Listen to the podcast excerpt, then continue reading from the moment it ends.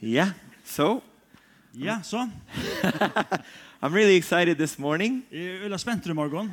because I get to talk about uh, a scripture and a topic that's very dear to me. For jeg tar som en skriftråd som er øyla døyrabart for meg. It's, um, I think I would, I would guess it's a bit more practical than more study-ish. For jeg tar som det er mer praktisk enn mer så er at eh, jeg dukker ny teolo- teologi nu i It's, uh, it's, it's definitely something I use every day Til in, til er av- av- til veldig enn som er brug til kvante. in my life. Og kvante er min løyve. So um, if you have your Bibles, Så det er Bibelen av vi. I want you guys to turn to Philippians 4, La oss få til Filippe brev 4, verse 4. vers 4. And I need to find it.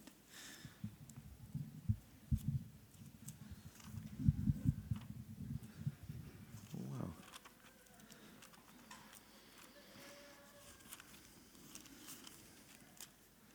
Okay. Yeah. I didn't uh, I didn't block it off like I should have. Hmm.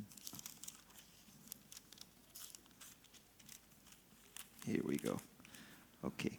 I guess I will read the whole thing and then you can read. Ja, han leser alltid jøkken enskund, og så leser jeg dette han. Okay. Rejoice in the Lord always. I will say again, rejoice. Let your gentleness be evident to all. The Lord is near.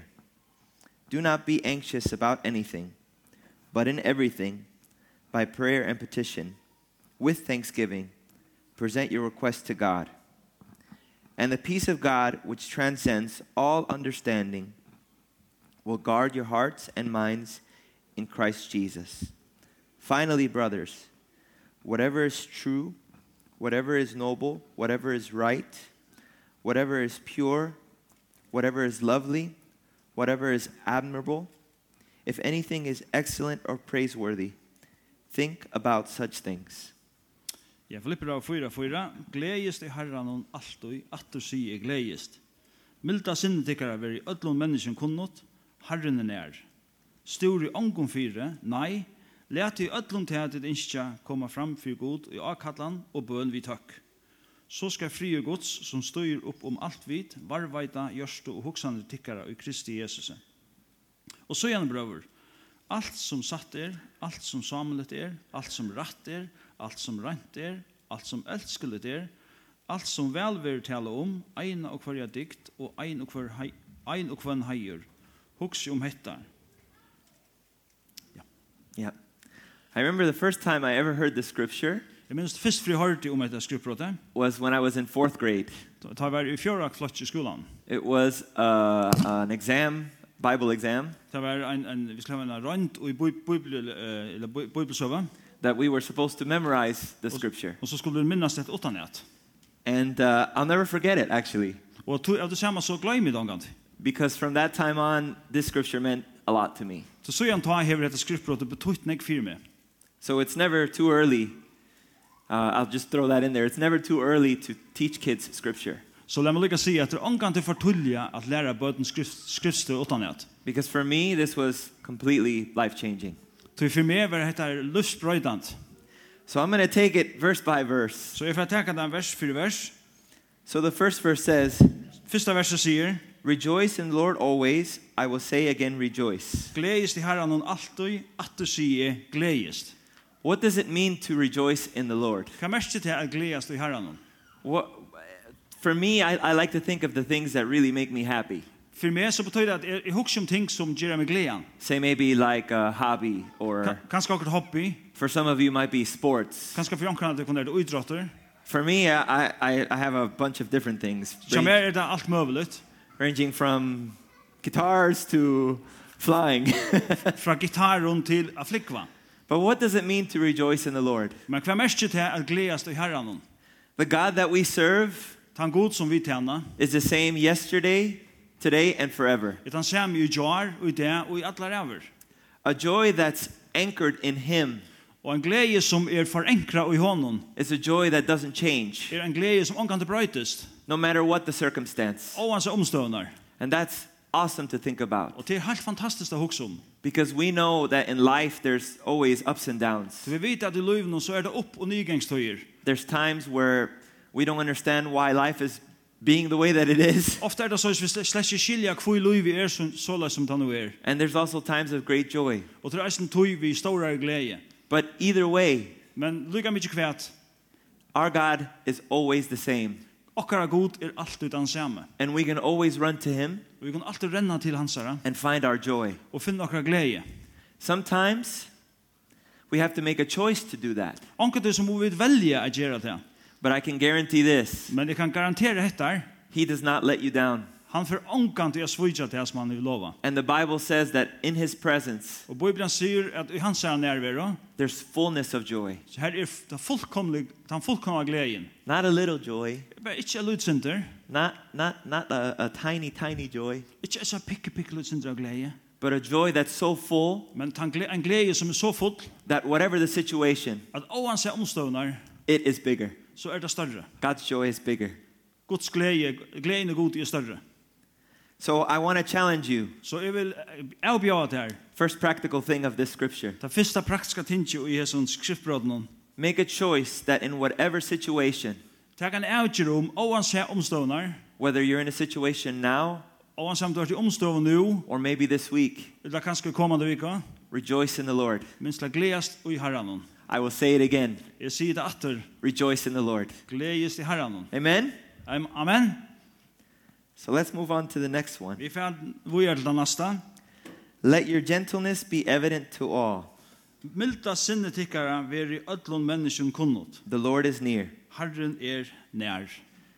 Now, I don't know how exactly the, the translation in the Faroese says it, Og jeg vet ikke akkurat hvordan føreska omsetningen av Bibelen sier, but I looked up this, this part of the scripture. men jeg lukt- jeg hukte at det som skriftbrotten, And, and knowing, this, uh, knowing this whole, just these verses, I always found that section kind of interesting jeg, fann, jeg har alltid som jeg, som jeg lyser etter, helt i at dette brottet er øyelig avhåverst. because it was almost like they just threw it in there, Så det ser ut som det bare blekket det midt inn i midten her. maybe just to fill in the space. Bare for å gjøre det, gjøre det sinte mer avhåverst, la bare fylle plasset. But that's not how it works. Men huh? så virker det ikke. It's never there just to fill in space. Det er ikke bare her for å fylle opp, So uifylle. I saw in, in, in some other versions, it said, let your uh, humility, Jeg sa i øren omsetningen, jeg sier, let en eimjugleika, uh, I, another one said moderation. Moderation. yeah, I don't, I don't know how that would be. Uh, Så omsider vi det. Mod, ja, m- ja, moderation. yeah, Whatever, moderation. ja, Um, and, Hina- and there was a lot of different, different words there. Imisk år vi har brukt her. So um, I looked up the word in the, in the old text, Så jeg hukte etter sånn åren og i opprunna teksten. and uh, it's very hard for me to pronounce this word. Det heter året i øyla er ringt å sige. It's called, the word is epiakis. Hatt året her, det er det som vi har brukt i opprunna teksten. We'll take, we'll take your word for it. Vi, vi tar det for fullt. da. Ja, ja, We'll ja. take your word for it. So, and the meaning it was it, it was actually quite interesting because the meaning was fair, uh, fitting, and good. Eh, det her, å- Året er i, i, i verleggen noen rettelig avhavert. Det er at vi har vera fair til å vera rattviser og at eh, fitting uh, tilpassande tilpassande and the last one was Uh, and good, og og vera goer yeah. And I think I think what the writer here was trying to say is og ta som ta som skrivar her Reina Sia stand for justice. stand for tusen rätt But um, it was very interesting because it wasn't it wasn't the kind of justice that we're used to. men det er är inte det rättviser som som vi ofta er är van vid Because the word also means lenient. du har mest reisne vad det linjen av eh, Lenient like um, like uh, soft. You're not the bl- ja till ja att vara blater eller jag vara att vara omsorgsfull eller ja, Yielding, that's another word that's kind of Und- like, und- underkasta sig. yeah. Ja. And uh, this last one, I won't even mention it.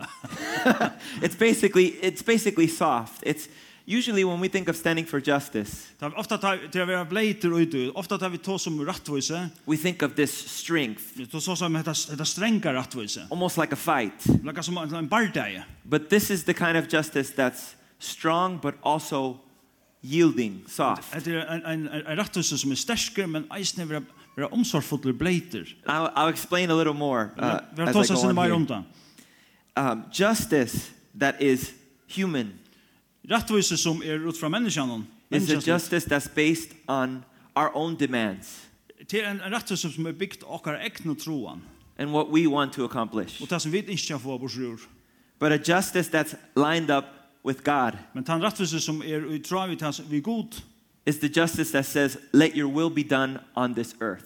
Som är en rättvise som säger lät vilja tunna vera här och görna. When God is judge, Ta god i domaren. it's not just power, Så är det inte er bara kraft. but patience. Men er det är eisne att vara tålen. Do you understand what I mean? Skilja det kan mena. It's, it's, a, it's, it's a justice that's powerful, but also patient. Det är en, en, en rättvise som är er kraft, kraftamigel, men er eisne är tålen. Do we stand for that kind of justice? Standa vid för det här släget av rättvise. Do we show power in our life, but also patience Visa vid kraft i okra liv, men eisen tål to the people around us? til de falsen som er rundt om okon. That's a question I ask myself. For en spårning jeg spyr meg sjølvan. That's a challenge I give to myself. For en avbjøring jeg kom til meg sjølvan. Think of that picture. Hugsa um massa myndene. Think of justice, think of strength, Hugsa um, om, om, om rattvise og hugsa um om styrke. but also uh, a, a strength that gives way to mercy. Men eisen er en styrke, styrke som djever i, i nøye og, og i karlaga. That's the God that we Og serve. til han god vi tjena. A just judge, Ein, ein rattviser uh, domare, but merciful men ein, ein, ein uh, nøyrygger. and powerful all at Og the ein, same ein time. kraftarmigel. Alt samståndes. So let your life stand for that, Men let lov til standa fyrir tui. that kind of justice. Til slæg av rattvise. The justice that says, let your will be done on this earth. Tan rattvisen som sier vilje tun veri her a gjør. Power and patience. Kraft og tål. So the next one here. Ta nasta. Do not be anxious about anything, Stor i onkon fire. but in everything, by prayer and petition. With thanksgiving, present your request to God. Læt i öllum til hættit innskja koma fram fyrir god og i akadan og bøn vi tøkk. Yeah, do not be anxious about anything. That first part of is really hard for me, Stor i onkon fire har som fyrste parten er øyla trobel fyrir meg. as I'm sure it's hard for some of you. Som det sikkert er fyrir onkran tikkona isne. It's very easy to get stressed out. Det er som nevnt å bli stressa over. At least sometimes, in some occasions, it's so easy. Öllum fyrir i summan omstøvun. Så latt. But the Bible is saying here, do not be anxious about anything. Men Bibelen sier stor i onkon fire. Now, worry, stress, and fear, Nu er at, at stora og stress og øtte er they're family members. Det är tejer familj och annan. Uh, yeah, they're, it's an interesting family, Det är en det är en en avhavd familj. if you can imagine that picture. Och visst du kan ömma det ömma det kan ta myndna. Family dinners, you know, worry, stress, and fear all together. Familj familjesamling allt det är samman ötte och storan och allt det. That, that's like chaos to Det me. är akkurat som kaos för mig. but they have something in common. Men det här har näkat till Felix. They paralyze our spirits. De de paralyserar de ger och kon lamma och och antal lamma stout. They keep us from acting spiritually, from Ta- taking action. De de ger det här vid mekniska att ta att handla. They stop us in our tracks. De stäcker och kon mer vi gänga.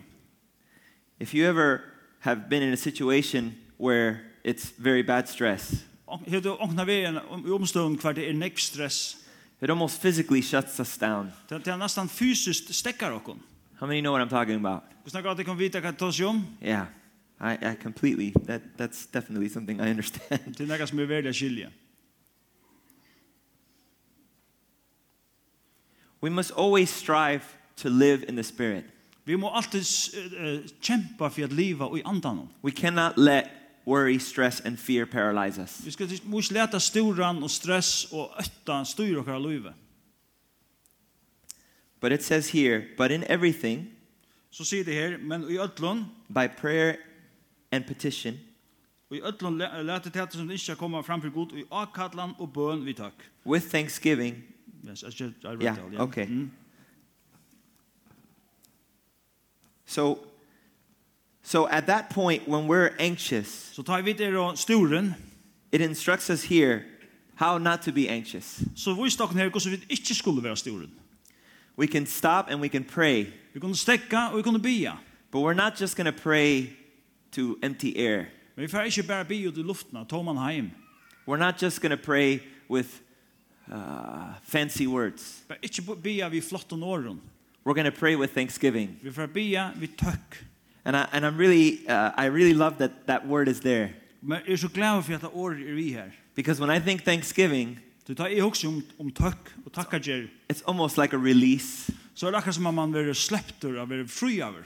like the opposite of stress, Akkurat det motsatte av å være stressa over. right? Am I correct? Skiljer det rett? Prayer with thanksgiving Bøn vi tøkk, activates our faith, til jeg aktiverer akkurat trygg. and faith and peace are also family. Og frigjør og, og, og, og trygg, det er eisen i familien. They mobilize us Det spiritually. mobiliserer okken. So right there is the answer to the solution. Så her er svære og løsnen. Now I'm not going to say that you'll never be stressed. Jeg får ikke si at du omkant vil stressa over. Obviously, we're human beings. Selv om vi er mennesker. We don't do things perfect all the time. Vi gjør ikke til fullkomne alt og i. Sometimes our emotions they get the best of us. Og først så tekker kjenslene rei og okken.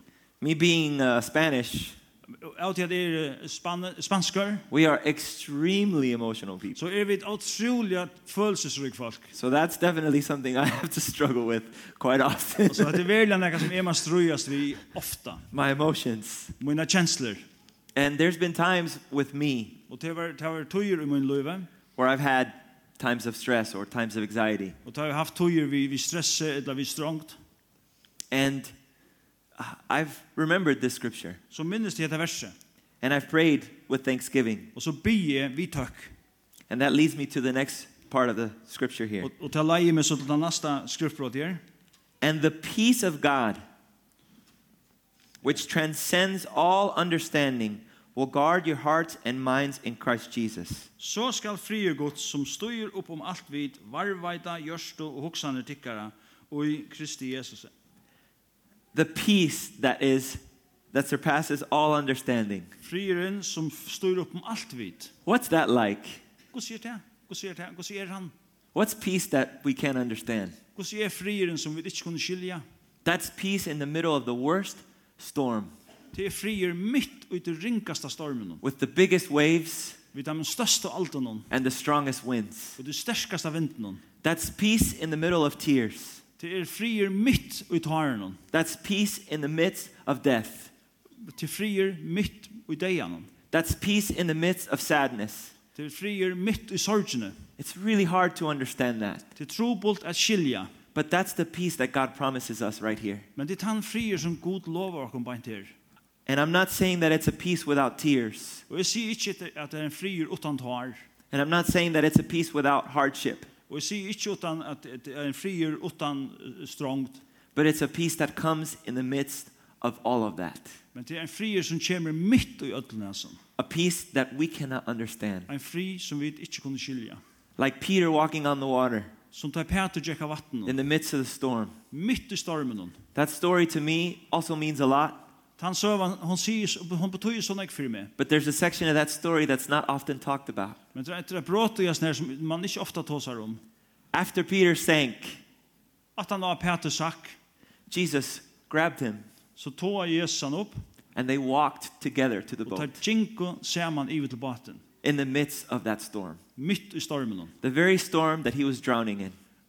Tann stormen som han drukna i. That's the peace I'm talking about. Til tann frien er tås i om. The peace where Jesus wraps his arms around you Tann frien tar Jesus teker armarna rundan om det, and you walk together to the boat. um og tid genga saman i til båten. You walk on the water, Vi genga av vattnet hon. the stormy, rough water. Tann, tann, stora, tann stor, stor, uh, vattnet vi nekvon stor, eh, storme og alt hon. I love that picture. Jeg elsker hans myndena. But it doesn't stop there Men det stekkar ikke her. because it says that that very peace Til Det stender at hæsen frieren will guard your heart and mind in Christ Jesus. som varvaiter hoksaner tikkara og i Kristi Jesus. I I have a picture of, uh, of a lighthouse. Jeg har vært en mynd av en vita. I'm sure you guys have seen those pictures of the, of the water hitting the lighthouse Vi kan ganska säga att här mynten är att ta i ta i allt den räka vitan and you being inside that lighthouse, och to öst in i ujen vitan. safe and sound. Fullkomliga uh, trycker. I have a picture of a, of a fortress Ja, en, en- en mynd av en nær borg, in the midst of uh, a, ba- a big battle, mitt i en stor slæge. an impenetrable fortress. En, en, et, et, eh, en borg som man ikke kan komme nå i. I have a picture of being cold Ja, men en mynd av å være kalter. and then being wrapped. Og så, Warm. og så blir akkurat lagt rundt om det, så det blir heit. That's the guard I'm talking about. Til tæs, til tæ- til tæs som varvarslene som vi tås i om. Situations sometimes have a way of changing us. Eh, Omstøver her var ofte en linde til å brøyte okken, They have a way of causing doubt sometimes. og få okken til å ivast. But that peace that guards our hearts in Men han, fri, Christ Jesus, han frieren som varvarder okken og i Kristi Jesus, eh, that peace that guards our hearts in Christ Jesus. han frieren som varvarder gjørste okkara og i Kristi Jesus. eh. Don't, don't forget that peace that's there. That's Gl- promised to you. Gleim ikke den frieren som vi da finnes lova. It's a powerful peace. Det er en kraftamidgjel frier. It's, a, it's the kind of guard that protects your heart. Det er, det er en sånn, en sånn verje, eller en sånn, en sånn vaktare som va- vaktar hjertet ikke der. from things that would normally tear you apart. Fra tingene som vilja skrede sånter, They can't. men det kunne det ikke. Our God is bigger. God okkar er større. His peace is bigger. Han ser frier er større. His joy is bigger. Han ser glede er større. His mercy is bigger. Han ser nøye er større. And his love is far bigger. Og karlage hans her er nekk større. The last one. Finally, my brothers, Og så gjerne prøver til sørste. whatever is true, whatever is noble, whatever is right, whatever is pure, whatever is lovely, whatever is admirable, if anything is excellent or praiseworthy, think about such things. Alt som satt er, alt som samlet er, alt som rett er, alt som rent er, alt som elsklet er, alt som vel vil tale om, ein og hverja dikt og ein og hverja heier, hukse om hetta. There's so many things about this scripture that I love. Det er sånn jeg uh, pett, eller brått i disse skriftbrotten som jeg elsker. One thing is how everything is connected. Alt er hvordan alt er sammanknutt. Because once that peace of God is there, Til ta Guds frier er her, maybe our minds uh, or, or, uh, or anything uh, tries to cause us to forget or tries to pull that away. så røyne sinne ikke åkne to åkne vekk, eller få åkne gløyma. This right here is the solution to keep that peace, Hette her er løsnen på at det varveide handa frien. to hold it close. Jeg har han tatt på. This is a filter. Hette er filter. For me, I've used this scripture, this It- part of the scripture, Jeg har brukt dette skriftbrottet to determine what I watch and what I listen to. for at at avgjøre hva jeg hittir etter og hva jeg lustig etter. Growing up, there's always been confusion about this kind of music and this kind of movies and Da jeg vokste opp, så var det alltid ivarsamt om hattasleie og tonleie, eller hit- hitsleie og filmon. And not just in that area, but in all areas of my life. Og ikke bare i hæsen øyne, men i ødelen øyne i min løyve. Because the gateways to your heart Til postre inn i hjertet kjallar, are your eyes and your ears. er eiene og øyrene. Just like that demonstration we saw earlier with the kids and the sponge. Akkurat som vi så i Janne, vi, vi, vi er sånn her eh, sp- sponge, sånn her eh, svampen og vatten og Janne. Our spirits, our hearts are like sponges. Akkurat, akkurat ante og akkurat hjerte er akkurat som en, en svamper. Whether we like it or not, Om vi damer det eller ikke, whether we're aware of it or not, om vi er gre- grei i det eller ikke, whatever we expose ourselves to det som vi utsetter oss for, is what is absorbed. er det som vi suker til oss. And for me, and for me, this scripture has been a way to uh, be aware of what I'm being exposed to. Og for meg er dette skriftbrottet en hjelp å være greier i hva er det jeg utsetter meg selv for. I'm a musician. Er jeg en tonlagere? I've listened to all kinds of different music. Og jeg lurer etter øtlom møvlundsleie og tonlagere. I, I don't just like one style. I like a lot of different kinds of music. Men damer ikke bare en, en, en bestemt slag av tonelage, men damer alt slag av tonelage. And I can appreciate a lot of things. Og men damer er utrolig nekk ting. But a decision I've made, Men den avgjøren som jeg har tidsi, if a song that I'm listening to doesn't fit this category here, at om en sanger som er lustig etter ikke passer noe i dette her kategorien her, I won't put it in my ears consistently. så får jeg ikke er lustig etter atterat. I won't keep listening to it over and over again. Så får jeg ikke er lustig etter atterat. I might say, those musicians, they played good. Jeg kan si at tonelageren spalte vel, That singer sounds good. sangeren sang vel, det er godt, But I won't put it in my ears all the time. men jeg får ikke er lustig etter å kåre den i øynene kommer at la tøyne. Same with movies. Det samme er vi filmen. If it's not something that fits this category here, Om det ikke passer inn i disse kategorien her som heter vers her, I, I don't want to watch it. så får jeg ikke gjett det. I don't want to work against what God is doing in my heart. Jeg får ikke arbeid imot det tog som god gjør i hjertet munnen.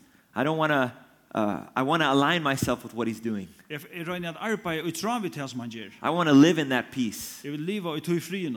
I don't want that peace to be jeopardized in any way. Jeg vil se at han frien skal være utsetter og elektra nekker nåt. So, in, in all situations, Og så i ødlån omstående, not just music, not just movies, ikke bare tonleik og ikke bare i filmer, but our daily lives. men i det daglige løyvene. How do we conduct ourselves with the people around us? Hvordan oppfører vi dere mot følelsen som er rundt om dere? Using this as a filter, Vi bruker dette som er filter, we can not just deal with living, så, så, så har vi, det har vi ikke bare vi at, at livet å but we gjøre. could be light in this world. Hva sier vi? Be light in this world. Men, men, eh, men vi skulle, skulle så vidt skulle oppføre denne løyvene, eller Be i heimen. salt in this world. Og vi, og vi skulle være ljøs i heimen, og vi skulle ha salt i heimen. Because this, as a filter, Så jeg- vi er sånn som filtre. believe it or not, people see it around you. Trygg til ikke, men folk får suttet i din løyve. They're aware of it. Det er greie i det. And they might ask you about it. Og derfor kan jeg spørre deg om det. And that's a good opportunity there to share with them Og det her er en god måte for jeg luta vidt deg. God's love and God's peace. Guds karlaga og Guds fri. There's been plenty of times um, in my life Ofta i min løyve, where this has been something practical. så er ofta, hett ofta vært noe praktiskt. Or maybe initially something doesn't seem so bad, Og kanskje brunnerlig, akkurat det så ikke galt ut, but it doesn't 100% fit this category. men det passer ikke 100% inn i disse kategoriene. But it's actually kept me, it saved me because then I realized it was something really bad. Men så hett av bjerga meg til satt ned opp det til at det var noe som var øyla ringt. so these, these, this, this one, this, these eight, these little verses here, Så disse små av versene her, how they're connected, og så løs som det er sammanknytt, have really impacted my life, like jeg I var said. veldig haft en avvarskan av mitt liv. And I want to challenge you guys Så jeg får komme en avbjørn til tikkun, to go back and read it jeg fer heim og les etter. and try and memorize it. Og eh, røyn If you don't know it. Lær deg knottene at hvis du ikke langer kjenner det. And I guarantee it, it'll be something that will come up again in your life. Og jeg vil garantera deg at det er nekka som får komme opp i løven til deg atter og atter. In those moments of stress, Og i timen løt noen, ta er det var stress over, it'll be something you'll, that will come out of your heart. er nekka som vil komme ut ur hjertet til noen. Say it out loud. Si det harsht, Read it. les det, Memorize it. eh, mynd- minst det åttan et.